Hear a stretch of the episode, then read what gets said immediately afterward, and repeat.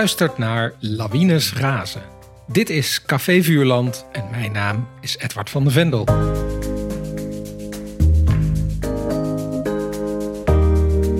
In deze podcast herlees ik klassieke kinderboeken met auteurs van nu. Hoe vers voelen de boeken nog? Wat voor auteur was er aan het werk? Dat en meer bespreek ik vandaag met schrijvers Zinzi Zevenbergen en Chris Polane. En het boek dat wij lazen is De Gouden Griffel van 1977. Conne Sibaka, Kom gauw terug, van Henk Barnard.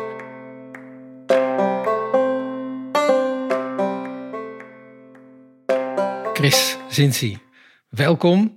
Um, kunnen jullie alvast een, een eerste korte reactie geven over jullie leeservaring? Zinzi. Ja, ik vond, het een, ik vond het een ontroerend boek. Ik vond het heel mooi om um, de verhuizing naar een ander land door de ogen van een kind te zien.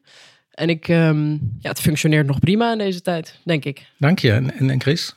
Uh, verrassend Surinaams geschreven. Uh, en echt vanuit het perspectief van een, een tienjarig Surinaams meisje. Dank jullie wel. We gaan daar uitgebreid over praten.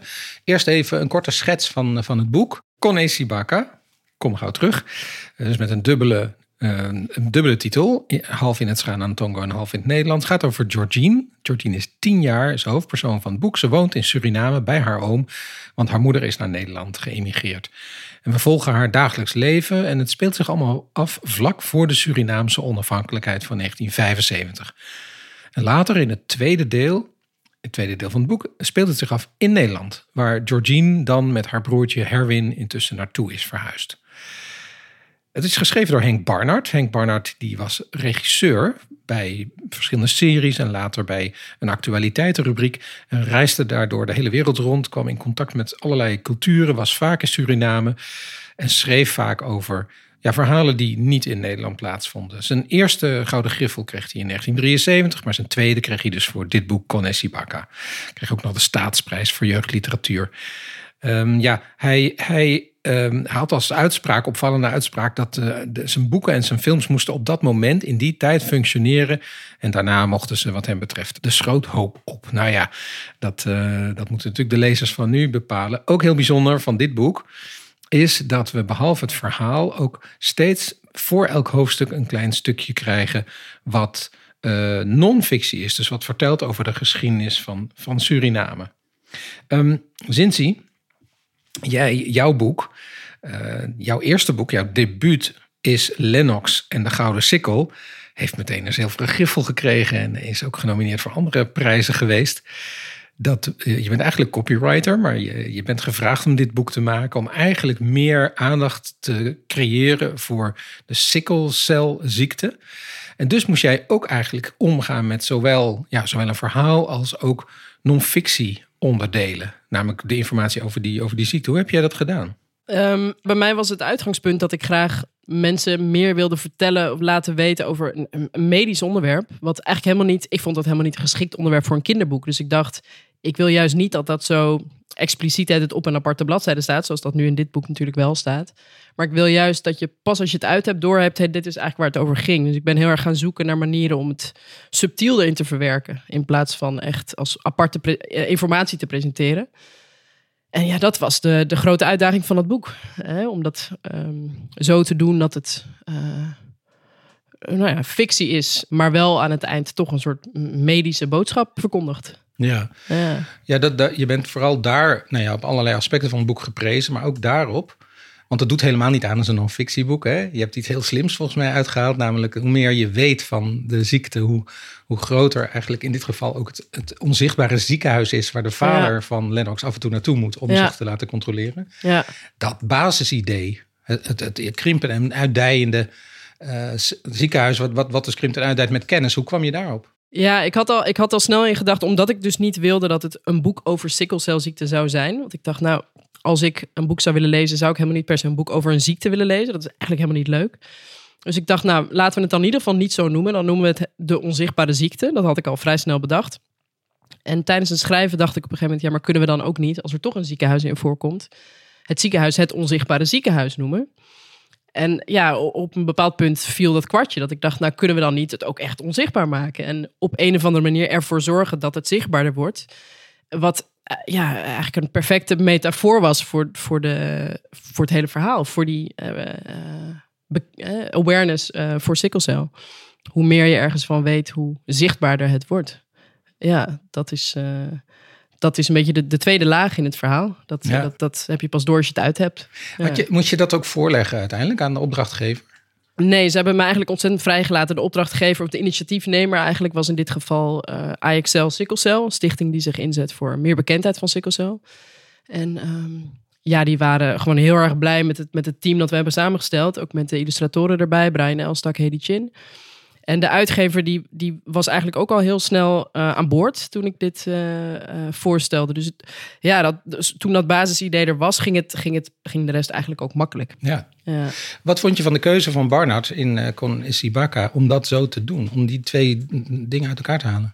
Ik vind, het, ik vind het wel ik vind het goed. Ik merkte ook dat ik tijdens het lezen geneigd was om die, dat informatieve kadertje dan toch sneller over te slaan. Dat ik wilde weten hoe de rest van het verhaal afliep.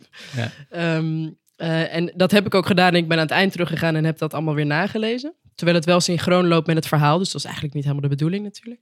Maar ik vind dat wel, eh, eh, het, ik bedoel, er is zoveel geschiedkundige informatie als achtergrond te geven bij dit verhaal. Ik vind dat wel goed. En ik denk ook dat het daardoor misschien wel niet een, per se een kinderboek is, maar een boek voor, ja, alle leeftijden bijna. Het is een heel informatief boek. Ja, Chris, wat bijzonder is, is ehm, dat eh, ik heb jou natuurlijk eh, ge- gevraagd als schrijver van, van, van je twee boeken, Waterjager een aantal jaar geleden en vorig jaar Centaur. Een roman die, eh, die ik fantastisch vond en die gelukkig ook nu genomineerd is Ja, voor een ja. belangrijke prijs, maar misschien niet de prijs die meteen heel erg logisch was. Namelijk beste boek voor jongeren. Ja. Ja, het is niet specifiek voor, voor jongeren gemaakt, dit boek. Nee. Ehm, maar eh, eh, wat heel grappig was, terwijl jij dit boek aan het lezen was, je had al ja gezegd tegen deze uitnodiging. Toen zei je, ik ben eigenlijk van dezelfde leeftijd als Georgine. Ja. En jij woonde ook in die tijd, of net niet, of net wel in Suriname. Ja, eigenlijk eh, komt dat overeen. Wij gingen ook, zoals Georgine, vlak voor de onafhankelijkheid naar Nederland. Eigenlijk ook uit angst voor wat er dan zou gebeuren. Wat je in het boek ook leest, dat mensen denken van nou, wat gaat er gebeuren? Gaan de, de bevolkingsgroepen met elkaar eh, ja, op de vuist? Gaat het land nog armer worden? En dat was inderdaad de, de, de heersende stemming. En ja, heel veel mensen gingen weg. Ja, want jouw, jouw persoonlijke geschiedenis is, is volgens mij dat je, eh, je bent geboren in Suriname. Eh, toen je zes was, ben je naar Nederland gegaan. Ja, het is, het is een beetje rommelig, die eerste. de jeugd is rommelig, want we gingen heen en weer. Ehm, maar op tienjarige leeftijd was ik weer in Suriname. Na een paar keer heen en weer te zijn gereisd. En toen gingen we naar Nederland om de onafhankelijkheid te ontvluchten, zeg maar. Ja, Ja, dus dat was eh, nou ja, in eh, 1973, 74. ja 74. Ja, Omdat, omdat je, het, nou, je, je moeder, denk ik dan, het zag aankomen. Ja. En vlak daarna zijn, ben je ook weer teruggekomen. Ja, na een jaartje hadden mijn moeder en mijn stiefvader zoiets van... Nou, in Suriname valt het wel mee en in Nederland vinden we het eigenlijk niks. Dus toen zijn we weer, weer eh, teruggegaan, na een jaar alweer. Ja, ja. Toen heb je gestudeerd, even om de geschiedenis af te maken. Ja. Je hebt de universiteit de Anton de Kom, wat later de Anton de Kom Universiteit was. Ja, daar heb ik maar eh, eigenlijk een jaar maar echt eh, op gezeten. Toen had je de decembermoorden, toen ging die dicht. Toen heb ik een jaar nou ja, alleen maar paard gereden eigenlijk. En toen ben ik naar Nederland gekomen. Ja. Ja. Dus 82, 83 was 83 dat dan, hè? ben ik naar Nederland gekomen. Ja.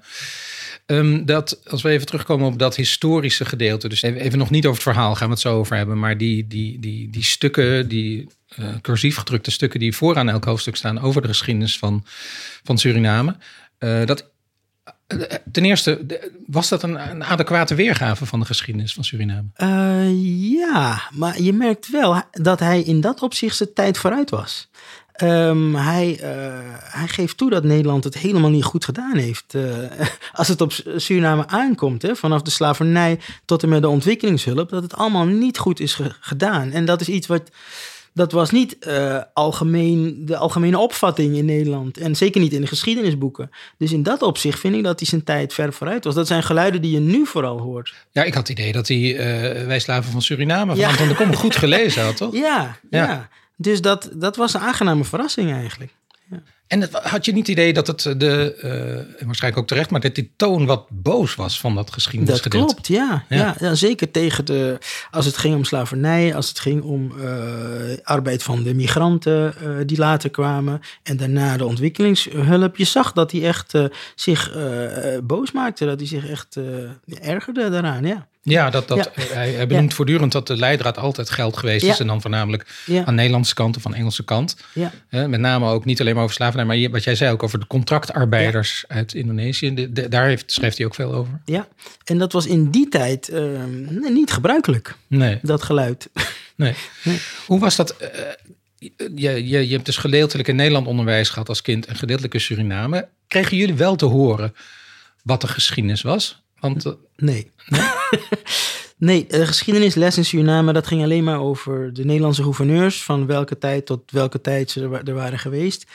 Um, niet de slavernij zoals Anton de Kom die uh, beschreven heeft met al zijn gruwelen en, en het verzet van de, van de Marons. Absoluut niet. We leerden eigenlijk uh, Nederlandse geschiedenis leren we. En we leerden dus een heel beperkt stukje Surinaamse geschiedenis, wat eigenlijk niks inhield. Nee. Sinds je bent uh, veel jonger dan, dan wij. Hoe, hoe was het op jouw scholing? Heb je dat allemaal gehoord?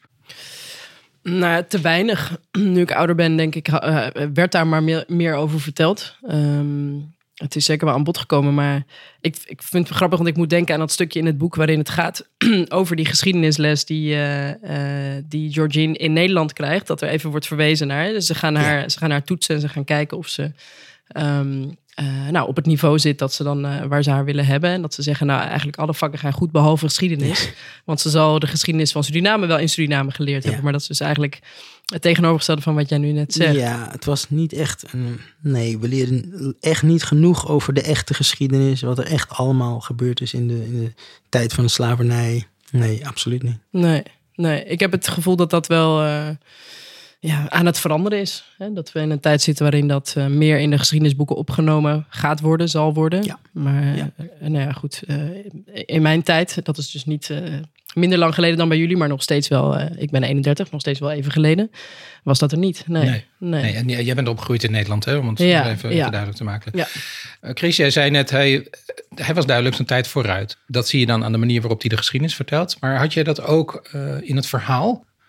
Ja, eerst ik was een beetje uh, sceptisch. Uh, een, een, oudere Nederlandse man die zich moet inleven in een Surinaams meisje uh, van tien en, en ook nog eens Surinaamse jongetjes. Um, en er zijn natuurlijk momenten waarop ik het boek lees en denk van nou, dat zouden we anders zeggen of dat zouden we anders doen. Maar overal heeft hij dat wel heel goed gedaan. heeft hij zich echt in kunnen leven en dus ook duidelijk verdiept in het leven van arme, uh, zeker de arme Surinaamse mensen in die tijd. Ja, want het speelt, het speelt niet in Paramaribo, maar het speelt dan ook nog in een district. Ja, ja, met mensen die, die weinig te eten hebben. Terwijl misschien dan een keuze voor ja, iets, iets in het rijke, nou ja, tussen aanhalingstekens Paramaribo schrijven is misschien toch weer uh, was voor de hand liggend geweest misschien. Zeker, want dat doe ik zelf wel. Ik schrijf eigenlijk um, omdat ik vind van ja, dat zit het dichtste bij en dat ken ik goed. Ik schrijf vanuit de stad, Paramaribo. Uh, ik zou het zelf niet zo makkelijk gedurfd hebben. Schrijven over een meisje van buiten de stad. En hij doet het wel. En volgens mij doet hij het best aardig. Ja, ja. ja. ja hij, moet, hij moet heel veel onderzoek gedaan hebben, ja, denk ik toch? Ja, absoluut. absoluut. Aan wat voor details, als je die nog weet, merkt hij dat? Uh, je bedoelt uh, die, die niet klopte, zeg maar? Of, uh, of die wel klopt? Die wel nou, ja, ja, laten we die allebei doen. Maar e-, eerst maar eens de details waarvan je dacht... wow, dat hij dat, dat, hij dat durft en dat hij dat weet. Ja, um, nou, um, de cultuur. Uh, bijvoorbeeld over de, op een gegeven moment gaan ze naar zo'n Winti-pre, weet je wel. Uh, echt zo'n ritueel... wat wat zelfs ik nooit, daar ben ik nooit bij geweest. Ja, maar dat moeten we misschien even beter uitleggen. Helemaal in het begin van het boek. Uh, dan, uh, het begint met dat ze kousenband aan het tellen is. Ja. Het is uh, gewoon aan het, ja. aan het, omdat er een handelaar komt die dat gaat, gaat, gaat kopen. Althans, dat hopen ze dan.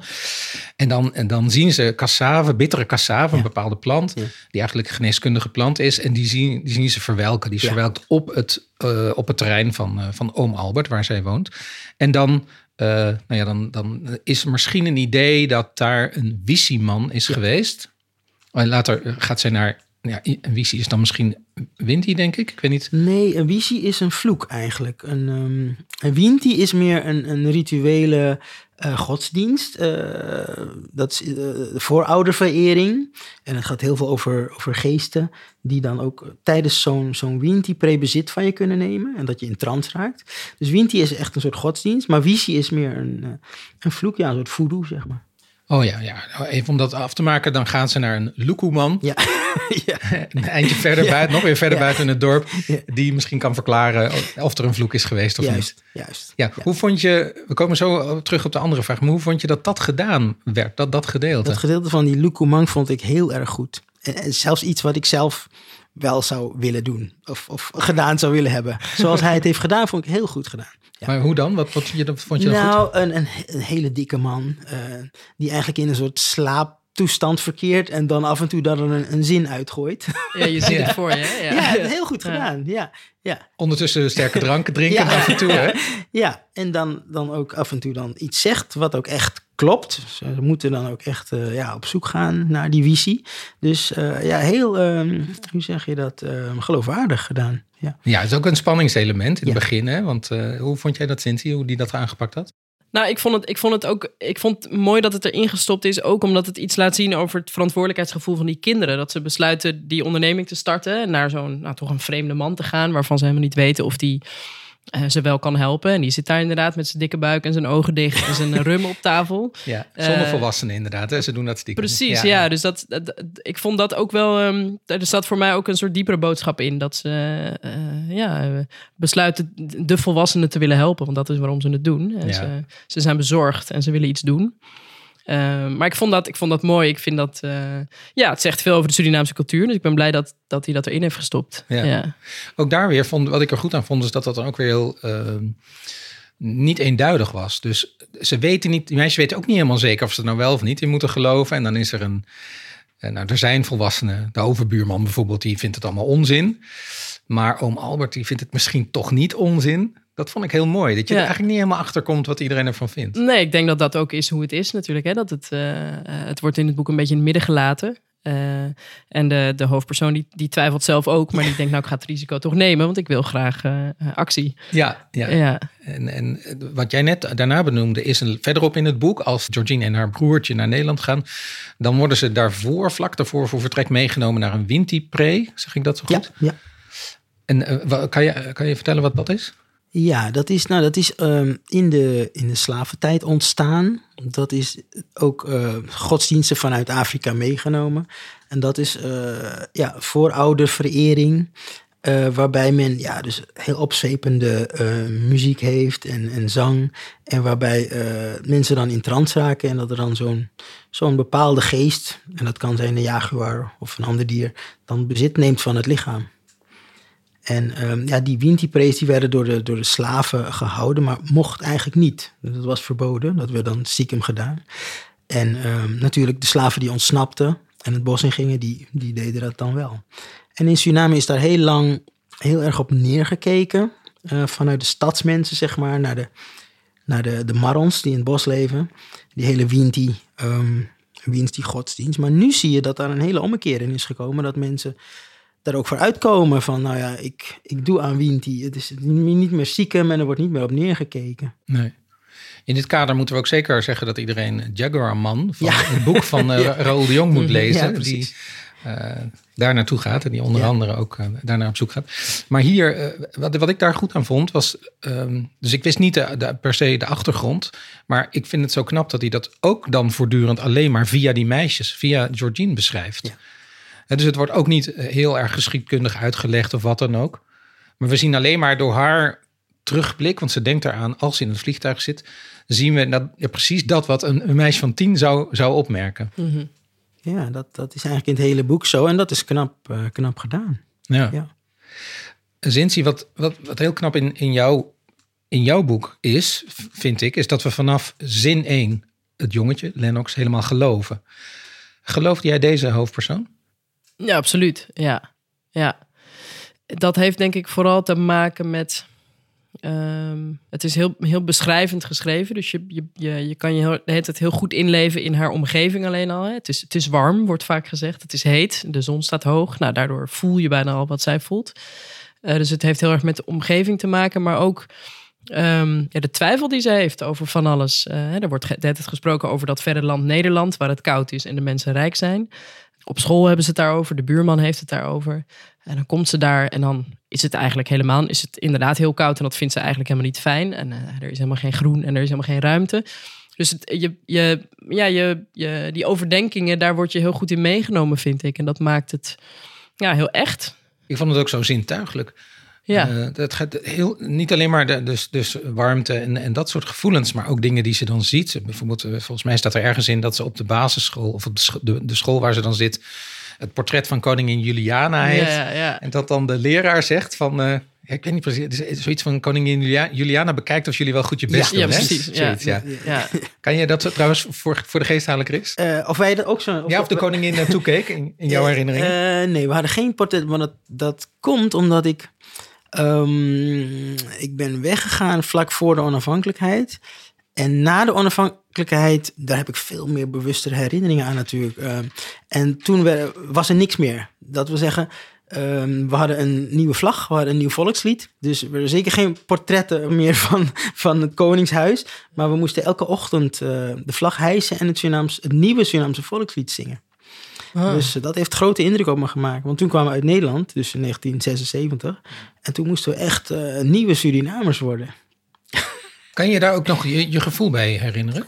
Ja, ik vond het een beetje overdreven allemaal, eerlijk gezegd. Oh, ja? ook, ook als twaalfjarige vond ja, je Ja, al? zeker. Ik dacht, ja, kom op, hé, moet het nou allemaal zo, weet je. Ik vond het, uh, ik vond het een beetje over de top, ja. En was dat nou omdat je uh, van nature iemand bent die misschien even wil afwachten hoe het zit? Of was het omdat je toch een tijd in Nederland had gewoond?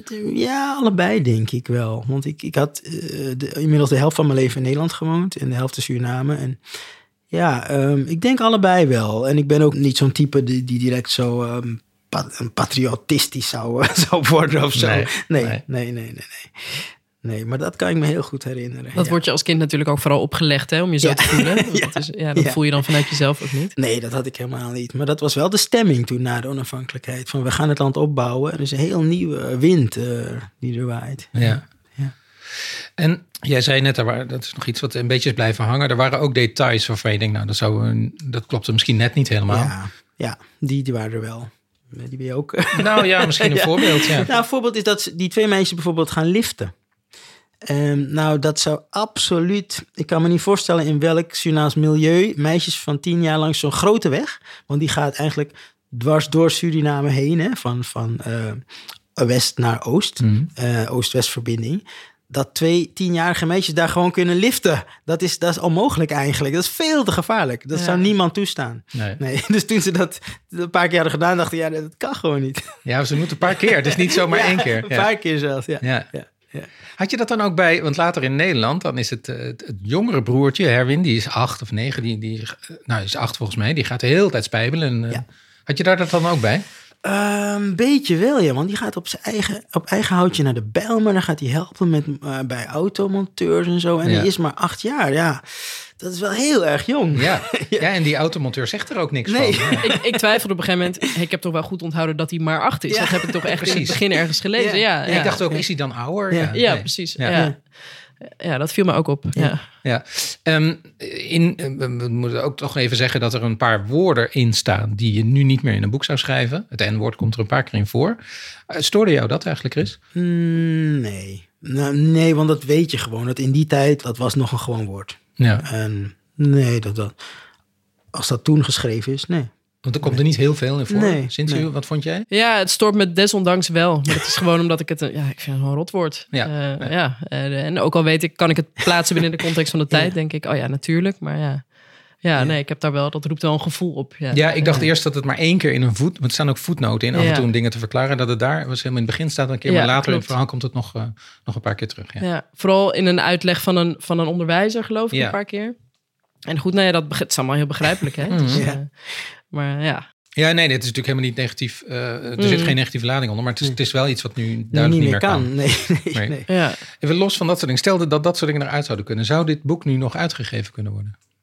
Ja, wat mij betreft wel. Ik, eh, voor mij hoeft het niet de schroothoop op in ieder geval. Het is, het is ehm, eh, ja, waarom ik het ontroerend noemde in het begin is omdat het mijn roots liggen ook in Suriname. Mijn vader komt daar vandaan. En ja, dit is een verhaal wat heel veel van mijn familieleden eigenlijk hebben meegemaakt. Maar ik heb daar eigenlijk nooit zo bij stilgestaan. Ik heb dat gewoon altijd aangenomen. Zij komen daar vandaan. Ik ben twee keer in het land geweest, dus ik, ja, ik heb het wel eens gezien. Ik ken het natuurlijk niet zo goed als jij. Maar ja, nu ik het zo lees, denk ik, vandaag de dag is dat hartstikke interessant voor mensen om dat, ja, eh, dat verhaal nog eens te, eh, te, te lezen, te horen. Te, ja hoor, dat, dat hoeft niet in de jaren zeventig te blijven, wat mij betreft. Eh, Nee. nee. Want als ik het goed tel, dan zou het ongeveer ook over de leeftijd van jouw vader kunnen zijn, toch? Die ja, is ongeveer zeker. die leeftijd. Ja, ja, dat klopt. Ja, ja. Wat vind jij, Chris? Kan, kan het nu nog? Ja, zeker. Ja, het is een stukje geschiedenis. En eh, ik herken heel veel dingen uit mijn geschiedenis in het boek. Ehm, en het is in, in dat opzicht al waardevol. Ook omdat het ehm, goed geschreven is en heel informatief. Ja. Ja. Ja. ja, wij benadrukken nu, en dat is gewoon omdat het onderwerp die kant op gaat, over de, over de, geschiedkundige kant. Maar ik moet wel zeggen dat ik het ook heel lekker vond lezen. Ja. De- waar, ja, zit dat hem in de. Het was namelijk eerst een hoorspel, moet ik er nog bij zeggen. Hij maakte sowieso veel meer hoorspelen. En is vanuit Ja. een hoorspel is het een boek geworden. Er zit ontzettend veel dialoog in, Ja. volgens mij. Ja, dat, dat is de belangrijkste reden, denk ik, dat er zoveel dialoog in zit. Eh, Je merkt wel dat het oud is. Voor mijn gevoel zit er veel. eh, eh, het is absoluut niet langdradig, maar er zitten wel af en toe herhalingen in waarvan ik denk, nou, dat kan vlotter. Ja, ja, Eh, ja, maar dat, Ja. ja, dat zegt ook wel weer wat over die tijd waarin het zich afspeelt. Dus dat is eigenlijk ook goed. Maar ehm, nee, het, is, het, het leest lekker door, zeker. ja. Ja. Een heel bijzonder aspect, eh, ja, vond ik, is een aspect dat ook, eh, Chris, in jouw boeken veel voorkomt, namelijk vaderschap of mannelijkheid. Ja. Ehm, er, het gaat hier op een. Dus de vader van, van Georgine en van Erwin is eigenlijk. Die woont in ieder geval niet bij de moeder. Eh, die woont ook in Nederland, blijkt later. Die vinden ze ook even terug. Eh, en dan blijkt dat hij eigenlijk niks meer met het gezin te maken wil hebben. En er is ook nog een andere vrouw die, nou ja, die, die opgezocht wordt. Dat is de, de vrouw, of misschien wel de ex-vrouw van de overbuurman. Maar Ja. die wilde eigenlijk ook niks meer van haar eh, ex-man weten. Maar goed, dat, dat, dat gebeurt. Maar dan staat daar ook een soort verklaring. En dan, dan zegt zij, Georgine, die zegt van... eh, goh, in Nederland denken ze toch heel anders over vaders dan in Suriname. Hoe vond je dat aspect, Chris? Ja, dat, dat klopt eigenlijk wel. Ehm, in Suriname heb je dus dat verschijnsel dat mannen eh, veel kinderen verwekken bij vrouwen en daar vervolgens niet naar omkijken. En ik vond het ook echt een, een heel ontroerend stuk in het boek. Ehm, ook vanwege mijn eigen geschiedenis. Mijn moeder is ook mijn vader op een gegeven moment achterna gereisd naar Nederland en dat is ook niet goed gegaan.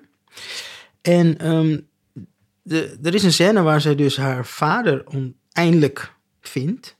En het enige wat die vader zegt, ja, laten we het maar zo laten. En dat is zo, dat is eigenlijk hartverscheurend, want zij heeft op zoveel gehoopt en hij geeft eigenlijk niks. En misschien zou hij dat wel willen hoor, maar er komt niks uit. En dat is, eh, ja, dat vond ik heel, heel goed gedaan in het boek. Ja, Hoe vond jij dat gedeelte? Ja, ik, ik vond het, die, die onverschilligheid, die vond ik inderdaad, je, eh, het kan bijna niet anders dan dat die vader daar natuurlijk veel meer bij voelt. Want het is zijn, Ja. zijn bloedeigen Ja. dochter die daar voor hem staat. Ehm, maar ik dacht tegelijkertijd ook, ja meisje, verspil je energie niet aan deze man. Want deze vader heeft helemaal, is jouw energie helemaal niet waard. Geen zin in jou. Ja, ik bedoel, je hebt die vader helemaal niet nodig. Je hebt het eh, tot hier geschopt eh, zonder hem. Maar goed, ik snap natuurlijk hoe, ja, hoe, hoe eh, verschrikkelijk dat kan zijn. Dat je als meisje je vader zoekt, hem vindt. En dan, ja, hij haalt eigenlijk gewoon zijn schouders op. En hij gaat terug naar zijn nieuwe gezin. Ja, dat is heel erg. Maar dat, is- het is een, ja, het is gewoon een heel bekend fenomeen in de Surinaamse man. Eh, laat ik ze toch even allemaal, allemaal over één kam scheren. Nou ja, goed, het, eh, het komt heel veel voor. Dat is, het is goed dat het erin zit. Het is, Ja. dat maakt het realistisch, maar het is heel verdrietig voor, de, voor, voor haar.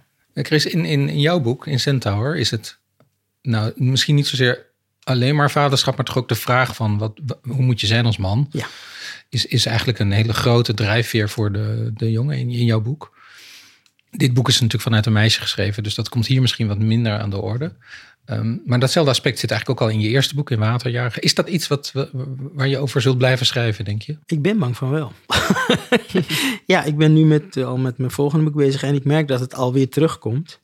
En dat komt eigenlijk omdat ik... ehm, ik ben toen vanuit Nederland naar eh, Suriname gegaan, weer terug.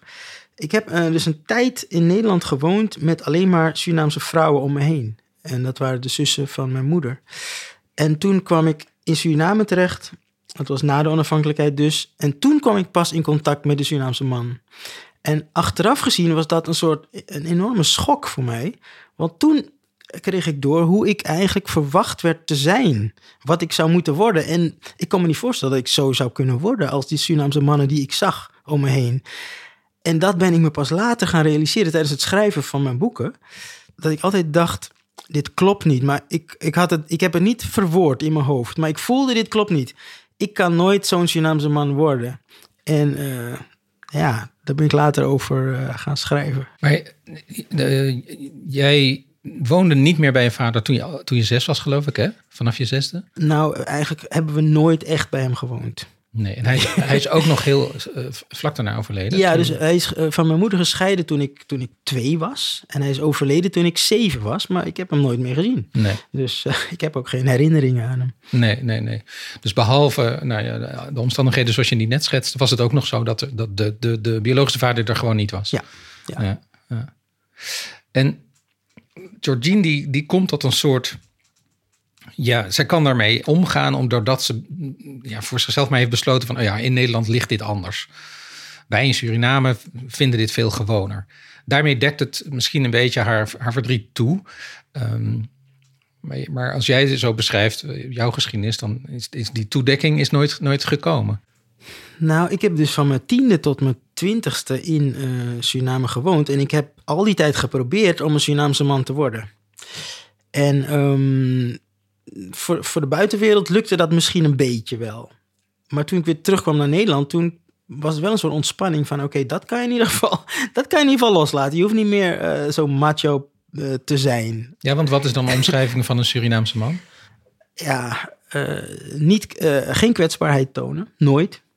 Um, geen gevoelens tonen, ja, behalve boosheid misschien dat vind ik het ergste eigenlijk, want dat is schadelijk. Niet alleen voor, voor de man, maar voor de hele omgeving. En je ziet dat ook in de Surinaamse samenleving. Veel huiselijk geweld. En zelfs veel um, vrouwen die worden niet alleen mishandeld, maar vermoord. Door hun uh, man of ex-man. En dat is tegenwoordig iets wat je regelmatig in het nieuws hoort. Dus dat dat macho gebeuren, dat is echt heel destructief eigenlijk. En je ziet daar in de geschiedenis geen ontwikkeling in? Nou, nu is het echt erg in Suriname. Ja? Het is niet beter. Nee, het is eerder erger dan toen ik er woonde. Wat opvallend, terwijl toch je zou kunnen zeggen, of ja, ik hoop dat zo is, dat in de wereld er meer aandacht voor zachtheid is gekomen. Ja, ja.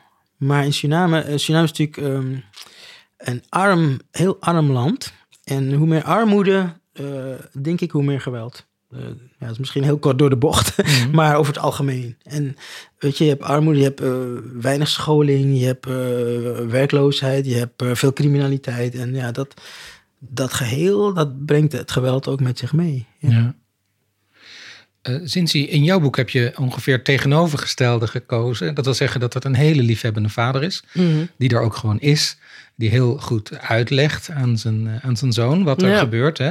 Ook al wil hij zijn ziekte eerst een beetje ja, voor zichzelf houden, omdat hij bang is dat zijn zoontje te, te verdrietig zal worden misschien. Ja. Was dat een heel bewuste keuze om die vader zo te laten zijn? Nou, het bijzondere uh, aan deze vader is dat hij uh, echt bestaat. Uh, net als de hoofdpersoon van het boek, Lennox. Um, bij het beginnen van dit boek um, gaf Brian Elstak aan, de illustrator, dat hij het heel mooi zou vinden als een jeugdvriend van hem, die sikkelcelziekte heeft, um, en zijn zoon Lennox, een rol zouden kunnen krijgen in het boek. Dus hè, we, we zeiden, nou, het wordt fictie, maar geef deze twee mensen dan een rol. Dus ja, dit, dit, dit zijn twee mensen die echt bestaan. En dat maakt het ook anders om over te schrijven. Want het, uh, ja, hè, ik heb ze gewoon aan de telefoon af en toe om te vragen: wat vind je van dit nieuwe hoofdstuk? Dus um, niet dat ik dacht, nou, ik maak er een hele aardige man van, want ik ken hem. Absoluut niet. Maar ja, dat paste goed in het verhaal. Um, ja, een, de, de, warmte van het gezin wilde ik er graag in stoppen. En dat is, komt van die vader en van die moeder. Het is een, eh, ja, een hecht, hecht clubje daar thuis. Ja, Ja, ja. ja. Is, ik, ik, ik las ergens in een interview dat jij eh, aangaf dat je nog veel meer boeken wil en gaat schrijven. wat op zich heel verheugend is. Is ouderschap en vaderschap, is dat een thema voor jou? Ehm, nou, in dit boek natuurlijk wel. Mhm. Ehm, maar dat komt denk ik vooral door de erfelijkheid van sikkelcelziekte. Dat dat ja, eigenlijk vanzelfsprekend een onderwerp in dit boek zou worden. Ehm, ik ben bezig met een volgend boek dat ook weer een connectie heeft met Suriname. Dus ik was dit, eh, dit boek aan het lezen en ik, eh, nou, daar zat voor mij heel veel inspiratie in voor mijn volgende project. Ehm, en daarin eh, speelt het eigenlijk ook wel een rol, vaderschap, omdat het een familieverhaal is. Ehm, en het is niet mijn eigen verhaal, maar het is het familieverhaal weer van Hedy Chin. Die ook de illustraties voor Lennox en de Gouden Sikkel heeft gedaan. Ehm, en eh, het verhaal gaat over dat haar eh, overgrootvader, dit is dus echt, eh, die heeft, dat is de persoon geweest die schaafijs in Suriname heeft geïntroduceerd. Die heeft het daarmee naartoe genomen. Die heeft het daar, nou ja, je zou kunnen zeggen, groot gemaakt.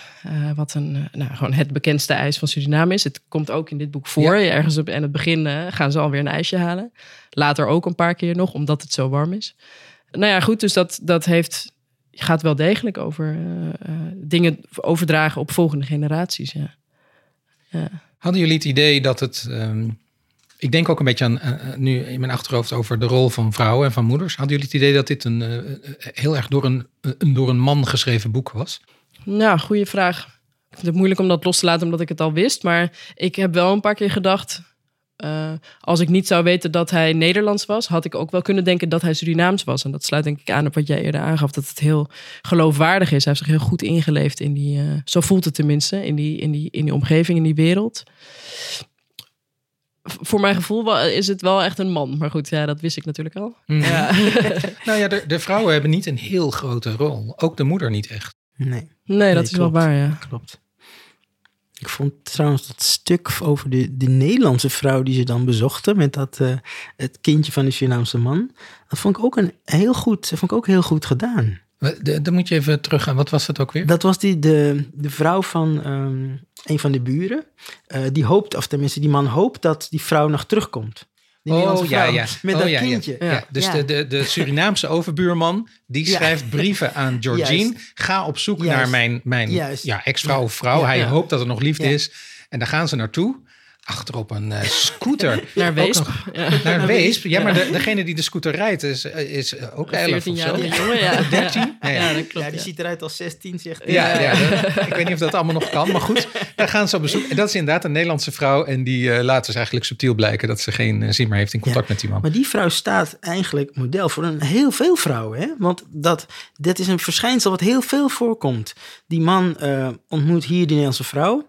En, maar die vrouw die, die gaat nooit daar kunnen aarden. Dat heb ik namelijk zelf ook met mijn eerste vrouw ook wel gehad. Nou hadden wij wel elektriciteit en water en alles. maar eh, mijn eerste vrouw kon ook niet aarden in Suriname. En dan op een gegeven moment kan je eigenlijk niet bij elkaar blijven. Dat gaat dan niet meer. Ehm, en daarom vond ik het ook mooi dat ook dat, dat stuk eh, belicht werd. Want er zijn veel mensen die zich ook daarin zullen herkennen. Ja. Ik vond het bijzonder aan dat stuk dat je merkt dat Georgine zich verplicht voelt eigenlijk om die mevrouw hier in Weesp te overtuigen. Ja, ja. Namens die Ja, buurman. precies, ja. Maar het, eigenlijk terwijl ze dat aan het proberen is, voelt ze al wel van volgens mij gaat dat niet lukken. Nee. En ze kan goed begrijpen waarom, omdat ze inmiddels ook in Nederland woont. Dus eh, ja. ze kan dat goed, eh, eh, eh, ze kan zich daar goed in verplaatsen. Ik vind dat een mooi, mooie gedachtegang die je kan volgen in dat boek. Ja. dat is Ja. goed, goed. Psychologisch is het sowieso heel knap. Hè? Want daar, daarna vindt ze het heel erg moeilijk om dat te gaan vertellen Ja. aan ja, die man. Ja, ja. Dus Ze, ze hoeft gelukkig niet te bellen, want dat gebeurt nog niet zoveel in die tijd. Maar ze moest, of dat kon ook helemaal niet, ze hadden geen telefoon. Maar zij moet dat dan gaan schrijven. Ja. En elke keer stelt ze dat schrijven maar uit. ja, ze voelt zich heel erg bezwaard om dat mede te Ja, delen. ze vindt het zielig. Ja, Ja, ja, ja, dat is het ook natuurlijk. natuurlijk. Ja, maar dat, je- dat je dat als tienjarige zo al voelde, vond ik heel, heel ja. geloofwaardig. Ja, nou ja, daar zit dat, dat verantwoordelijkheidsgevoel. Dat vind ik heel, ja, heel bijzonder in dit verhaal, verhaal dat het zo, eh, dat die kinderen echt ja, zich bijna als volwassenen gedragen af en toe. Ja. Eh, hè, tot op het punt dat je denkt, mag dat wel of kan dat wel? Maar ja, het zijn grote thema's eigenlijk waar ze mee, eh, waar ze mee dealen. Ja. Ja. Vonden jullie dat er humor zat in het boek? Niet heel veel eigenlijk. Nee, nee. nee, niet veel. Nee, het is ook niet super ernstig, denk ik. Of vond je dat er wel? Ehm, nee, ik denk dat het eigenlijk best een ernstig onderwerp is. Mhm. Eh, gewoon je thuisland achterlaten, je, je vriendjes, vriendinnetjes achterlaten. En naar de andere kant van de wereld verhuizen. Dat is natuurlijk, eh, dat heeft zo'n impact op een, op een leven. Laat staan als je kind bent. Maar ik vind dat dat, dat goed, niet luchtig, maar wel eh, heel eh, ja, toegankelijk gebracht is.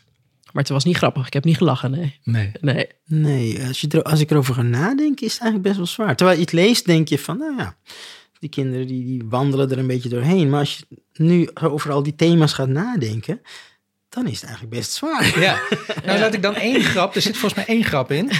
Zal ik die dan maar zo. zo ehm, en dat vond ik eigenlijk best komisch, want Barnard schrijft zichzelf in het verhaal. Hij heeft een soort cameo. Dat is als ze in eh, Paran- Paramaribo rondlopen. Oh ja. Ze gaan naar de markt om, om spullen te verkopen. Ah, ja. Die kinderen lopen rond en dan zoeken, ze- zoekt ze haar broertje. Haar Ja. broertje is op dat moment ook weer aan het spijbelen. En die, eh, eh, die probeert wat geld bij te verdienen door auto's van Nederlanders te bewaken. Hij- Hij zegt dat hij het doet en vervolgens doet hij het niet. ja. En dan is er een, eh, een, een filmploeg die daar een documentaire komt maken. ja. Een Nederlandse filmploeg. En nou, ik denk eigenlijk dat hij daarmee zichzelf bedoeld heeft. Maar wat ik zo komisch vond, is dat dan... eh, nou, die geven hem dan geld, hè? Anderhalve gulden was het, geloof ik. Eén Ja. gulden voor de vorige keer een halve, voor dat hij maar half zijn werk had gedaan. Maar dan, dat jongetje loopt dan handen wrijvend terug en eh, gaat gewoon iets anders doen. En zegt dan, bakkeraars houden van mooie verhalen. Ja. ja, ja, dat klopt. Ja, dat klopt. Ja. En die vond ik wel komisch, maar eh, verder... Ja, ja, dat was het ook wel. Dat was het ook wel. Ja. Eh, dit boek kreeg dus de Gouden Griffel. Ehm, in dat jaar waren er, eh, ik, heb, ik heb wat stukken teruggelezen uit die tijd, waren er best wat andere boeken waar mensen van hadden verwacht dat hij een Gouden Griffel kreeg. Dus het was een verrassende keuze. Ehm, het was, eh, er was een, een kinderjury, eh, ik geloof in Zandam, die ging alle Griffelboeken lezen en punten geven en vond dit het allerslechtste boek wat erbij zat. Ah, Eh, nou, misschien niet het allerslechtste, maar ze vonden andere, andere boeken veel leuker.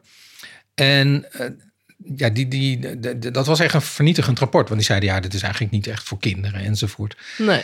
Eh, ik weet dat dat moeilijk is in te schatten. Chris, jij leest misschien ook niet heel veel kinderboeken, weet ik niet. nou, ik heb een dochtertje van eh, vijf. Hmm. Dus ik lees veel voor. Ah ja, Ja. nou ja, dat is toch... Maar hebben, hebben jullie het idee dat het een, een, een echt kinderboek is? Mm, voor oudere kinderen wel. Ja. Ja. Ja, oudere kinderen wel. Dus niet, ik, ik bedoel eigenlijk met echt kinderboek... dat het misschien eigenlijk een boodschap voor volwassenen is... verpakt in een verhaal over een kind. Dat ook. dat ook. Maar ik denk dat de oudere kinderen... Ja, ik vind het moeilijk in te schatten welke leeftijd. Maar tien toch zeker. eh, dit best een goed boek eh, zouden, zouden kunnen vinden. Zou je Ja. het gaan voorlezen aan je dochter over vijf jaar? Eh, zeker. Ja, Hmm. zeker. Cindy, wat dacht jij? Nou, ik, ja, ik zei het volgens mij eerder al dat ik, dat ik wel af en toe dacht: eh, is dit wel echt voor kinderen? Het is eigenlijk gewoon een, zeker door die informatieve, historische informatie tussendoor. Ja, dit kun je prima lezen als je ehm, nou, geen kind meer bent. Ehm, maar ik kan me zo voorstellen, en dat heeft dan misschien wel te maken met de stijl waarin het geschreven is, die toch misschien al een beetje gedateerd is. En dat het voor kinderen van nu niet heel spannend. Het is geen spannend boek.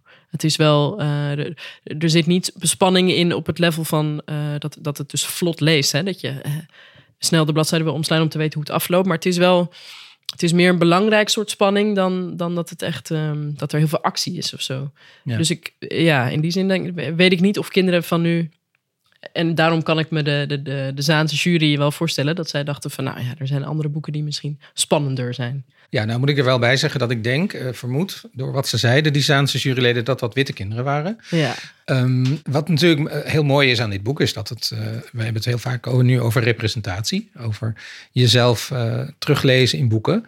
Ehm, we- daar zijn veel uitgeverijen en schrijvers nu mee bezig. Hmm.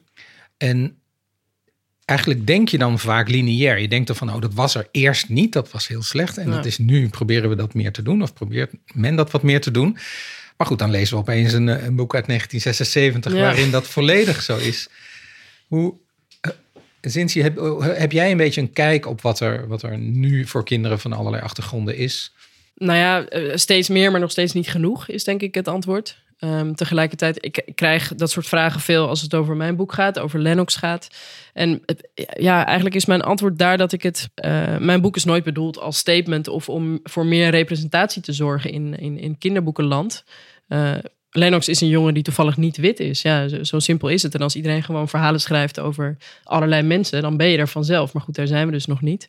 Ehm, maar ik was verrast dat dit boek er was. Ik kende het niet. Het is voor mijn tijd geschreven. Maar ik denk dat het misschien nu een aantal jaar geleden nog niet zo interessant was als nu. Omdat we dus heel erg op zoek zijn naar dit soort verhalen.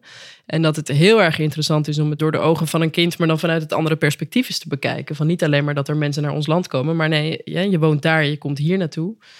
Hoe gaat dat? Hoe voelt dat? Hoe, hoe, dat is heftig, dat is eng, dat is ook wel leuk. Eh, ja, dat is een, eh, een verrijking voor, voor ja, je, je boekenkast, zou ik zeggen. En in, die zin is het einde, vond ik ook heel eh, verrassend, ook ontroerend eigenlijk. Hè. Dat gaat eigenlijk heel erg over de vraag die Georgine zich stelt. Ga ik ooit terug? En hoe doe ik dat? En moet ik dat? Wil ik nu al terug? Wil ik straks terug? Hoe, was, hoe vond jij dat einde, Chris? Ja, goed. Het is natuurlijk mijn geschiedenis eigenlijk. En, en dit boek vertegenwoordigt een deel van mijn geschiedenis. Eh, hier naartoe komen op jonge leeftijd. Ehm, een vader zoeken. Maar ook een Nederlandse vrouw die niet naar Suriname wil. En ook nog eens de vraag van ga je terug? Een vraag waar ik ja, 25 jaar mee geworsteld heb. Dus ehm, voor mij is het... ehm, ja, ik zou het zeker aan mijn dochter moeten voorlezen. Ja. ja. Je zegt 25 jaar mee geworsteld hebt. Je hebt een, een, een bloeiende dierartspraktijk. Uh, die zou je dan misschien hier achter moeten laten. Maar uh, als je zegt worsteling, betekent dat dat je echt van jaar tot jaar hebt gedacht... misschien zou ik wat terug moeten? Ja, ja. het was een, een niet aflatende strijd van uh, hier blijven of niet. Ja. En dat heeft achteraf, vind ik, veel te lang geduurd. Want je bent eigenlijk daarmee bezig. En dus je steekt je energie eigenlijk maar in één ding. En niet in allerlei andere dingen die je zou kunnen doen, gewoon als volwassen persoon. Dus het heeft mijn hele volwassen leven beheerst. En dat is ook de enige reden waarom ik ben gaan schrijven. En daarom schrijf ik ook eigenlijk alleen maar over Suriname. En dat schrijven heeft, heeft ervoor gezorgd dat uh, deze vraag nu in de verleden tijd speelt? ja, dat vraagt iedereen. En dat weet ik dus niet zeker. Want die heimwee en uh, dat gevoel is verdwenen na een jaar of 25. Iets langer, denk ik zelfs. Maar het was op een gegeven moment weg en ik weet niet precies waardoor. Ik had toen inderdaad mijn eerste boek geschreven, maar ik was ook gescheiden en ik had weer een kind gekregen. Um, dus er was heel veel gebeurd en plotseling was, was die heimwee weg. En achteraf weet ik niet precies waardoor. Was het alleen heimwee of was het ook verantwoordelijkheidsgevoel? Ja, heimwee is natuurlijk een, uh, een woord wat het misschien niet helemaal dekt. Hè? Want bij heimwee denk je aan een soort verlangen naar uh, thuis. Maar daar zit, daar zit natuurlijk veel meer in eigenlijk. Van, van ergens wonen waar je gewoon uh, thuis hoort en waar je niet wordt gezien als vreemdeling. Weet je, dat gevoel, dat is heel moeilijk om dat te krijgen in een ander land. Je kan wel, je zegt, je kan bloeiende dierenartsenpraktijk hebben, maar dan nog ben ik eigenlijk nog steeds een vreemdeling in Nederland. Als ik, als ik buiten loop, dan, dan is dat het gewoon. En in Suriname ben je altijd gewoon thuis. Waar je ook bent. Um, dus dat, ja, maar veel andere dingen ook. Uh, het buitenleven, de zon. Um, ik had daar natuurlijk een soort gemeenschap met, met de paardenmensen en zo. En die was ik ook uh, kwijt. En die heb ik nooit meer hier teruggevonden. Want je bent springruiter geweest. Ja, daar. ja, ja, ja. ja. Dat, heb ik, dat gevoel heb ik ook nooit meer teruggevonden. Dat je ergens nee? in een soort community thuis hoort. Dus in Nederland ben ik altijd min of meer een eenling geweest. Dus ja, dat zijn allemaal dingen die, die vallen dan onder, die, onder dat ene woord heimwee. En um, ja, ik ben wel blij dat ik er vanaf ben. Ja, nou ja, ja dat je in ieder geval die energie niet meer daaraan hoeft precies, te besteden. Precies. En ik ben ook blij dat ik daardoor ben gaan schrijven. Maar nog even, want ik zei net verantwoordelijkheidsgevoel. Kan me ook voorstellen dat je denkt, ik moet iets voor Suriname doen. Dat heb ik gehad en met mij denk ik heel veel Surinamers uh, die hier zijn komen studeren. En een aantal zijn teruggegaan. Ik ben ook teruggegaan. Hebben het geprobeerd. Is niet gelukt en zijn weer teruggekomen. Het is wel zo dat heel veel van mijn generatie, van die studenten die in begin jaren tachtig naar Nederland kwamen, die hebben wel min of meer gedesillusioneerd in dat opzicht. Van wij gaan Suriname niet kunnen opbouwen. Dus uh, dat, dat gaat gewoon niet lukken. En dat is natuurlijk aan de ene kant wel tragisch, maar het is, is ook de realiteit. Dat, uh, dat een, ja, een grote groep, ik, ik zou niet een hele generatie willen noemen, maar heeft ingezien van ja, maar wij kunnen, we kunnen het helaas niet. Nee. En dus moeten we hier het beste ervan maken.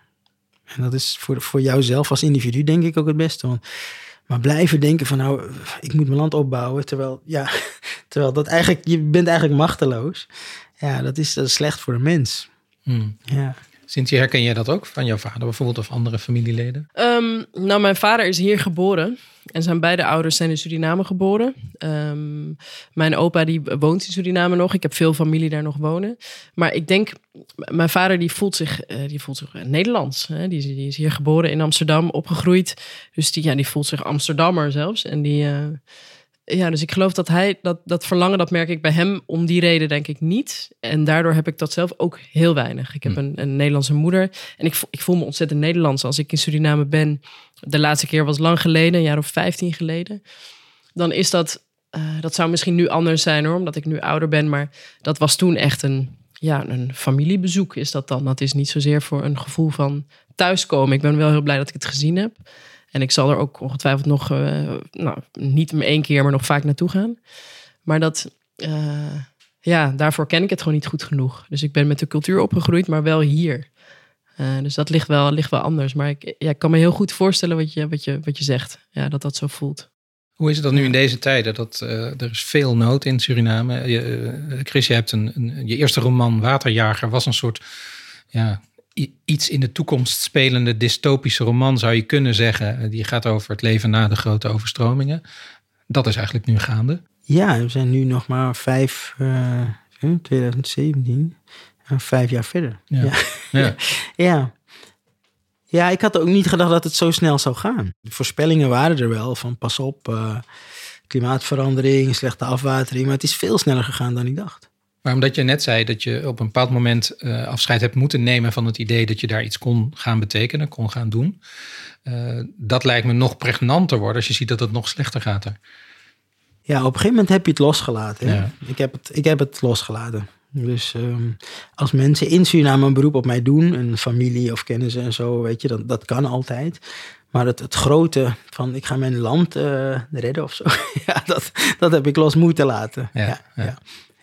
Ja. ja. Speelt je volgende boek ook weer in Paramaribo? ja zeker. Ja? Hoe, ver, hoe ver ben je? Eh, nog niet ver, het eerste hoofdstuk. Ah, ja. Maar mijn boeken spelen zich heel dicht bij huis af. Liefst echt gewoon op het balkon van het ouderlijk huis. Daar, Ja. daar begin ik eigenlijk, dat is het startpunt. Ja, dat werkt het beste. Ja. En dan blijf ik liefst een beetje in de buurt.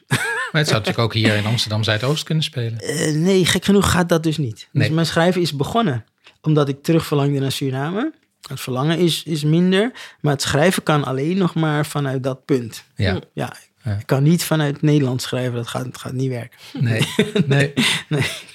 Sinds jij bent niet specifiek een, een, een Surinaams-Nederlandse schrijver. Dat zou ook een beetje gek zijn om, om je zo te noemen. Nee, hoewel mijn eerste boek wel degelijk een link heeft met Suriname. Omdat de familie die in het boek voorkomt, dus Lennox en zijn, eh, en zijn eh, gezin, en zijn, die hele familiegeschiedenis die daarbij hoort, dat is een Surinaamse familie. En dat tweede boek nu dus eigenlijk ook weer. Maar dat is niet zozeer een bewuste keuze, nee. En, en, en eh, hoe, heb je al een beetje zicht op hoe je werk zich gaat ontwikkelen? Ja, wat mij betreft ga ik heel veel dingen schrijven die over heel veel verschillende onderwerpen gaan. Dat vind ik eigenlijk het leukste. Zolang ik maar ehm, me met de taal bezig kan houden. Dan, eh, ik- ja, ik, ik ben er voor de vorm, zeg ik altijd. Eh, ja, ja, Ja, nee, het moet natuurlijk, het moeten mooie verhalen zijn, maar het, het, nee, het is zeker niet mijn plan om Suriname als thema te houden in, ehm, eh, in, in mijn werk. Sterker nog, ik heb om die reden even getwijfeld of ik ook dit tweede boek eh, aan zou gaan. Omdat ik dacht, nou, daar, daarmee zet ik mezelf misschien in een bepaalde hoek Hmm. waar ik nu graag in zit, maar waar ik ook wel uit wil. En je moet jezelf dat niet moeilijk maken misschien. Maar ehm, nou ja, daarvoor was het een te mooi eh, verhaal en een te mooie samenwerking ook weer met Hedy. Dus dat, dat gaat er komen. ja, Ja. leuk. Ehm, wij gaan een beetje afronden. Ik moet nog eigenlijk twee dingen noemen over het boek. Ten eerste de tekeningen hebben we het niet over gehad. Die zijn van Rijntje Venema. Dat was de vrouw van Henk Barnard. Eh, ik vond heel mooie tekeningen. Ik weet niet wat jullie vonden. Het is niet echt mijn smaak. Nee, heel realistisch hè? Ja. Ja, nee, ik was niet zo mijn ding. Nee. Te realistisch dan? Mm, ik weet het niet, dat, dat zwart-witte... ehm, Het sprak mij niet zo aan. Nee. Ja, ik heb een beetje hetzelfde. Ik vond de, de, de kleur ontbreken. Ik hou gewoon Ja. van hele Ah, ja, ja, kleurrijke tekeningen. Ja. Ehm, wat, ik, wat ik wel mooi vond, is dat er zitten niet heel veel illustraties in. Nee. Dus soms vergeet je even dat die er überhaupt zijn. Dan sla je de bladzijde om en dan ineens valt er weer wat te ontdekken. Dat vond ik wel weer grappig. Ja. Maar het, het is ook niet mijn stijl, nee. Nee, en het andere wat ik er opvallend in vond, is dat er vrij veel Sranantongo in voorkomt. Eh, en, en dat dat eh, gewoon bijna altijd, net zoals in de titel, de dubbel. Dus dan zie je eerst de zin in het Sranantongo en meteen daarna de zin in het Nederlands. Ja, Ja. Ik vond het niet heel storend. Nee. Omdat dat in Suriname ook vaak zo is. ja. We gebruiken talen door elkaar. En vaak ook zeg je iets eerst in het Surinaams, dan in het Nederlands. Dat, nee, ik vond het niet heel storend. Nee. Ik vond het heel slim opgelost, ja. Ja. ja. En weet je, ja, je leert de, de, de Nederlandse lezer in ieder geval eh, gewoon een woordje Surinaams. Eh, dat is altijd, altijd Ja. leuk, denk ik. Ja, ja. ja. We gaan afsluiten met één laatste vraag aan jullie. Eh, zouden jullie meer boeken van Henk Barnard willen lezen?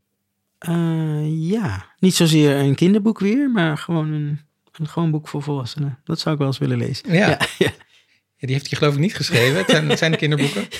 Wat denk jij, De, de eerste griffel won hij voor het boek. De Marokkaan en de, eh, de, de kat van Tante Da. Dat is een Ja. soort vrolijk boek. Ja.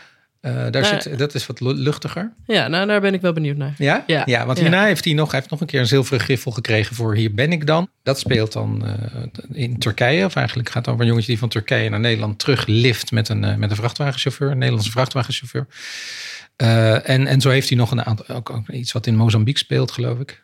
Nou, weet ik niet helemaal zeker. Nou ja, over een, nou ja. hij heeft vanuit verschillende landen geschreven. Dus Ja.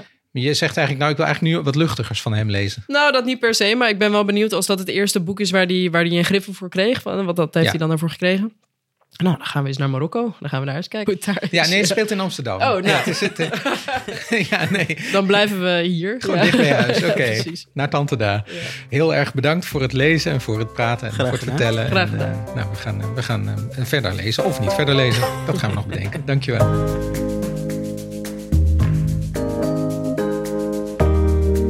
Dit was Lawines Razen, een podcast van Café Vuurland. De gasten in deze aflevering waren schrijvers Zinzi Zevenbergen en Chris Polane. De montage was in handen van Ignaas Schoot en mijn naam is Edward van de Vendel. Je kunt alle informatie uit deze aflevering nalezen op www.vuurland.nu.nu dus. Klik dan even door op Café Vuurland. Deze podcast werd mogelijk gemaakt door een subsidie van het Nederlands Letterenfonds in het kader van de campagne Van Maker tot Lezer. En we bedanken de erven Rutgers van der Loef en uitgeverij Ploegsma voor het mogen gebruiken van de naam Lawines Razen.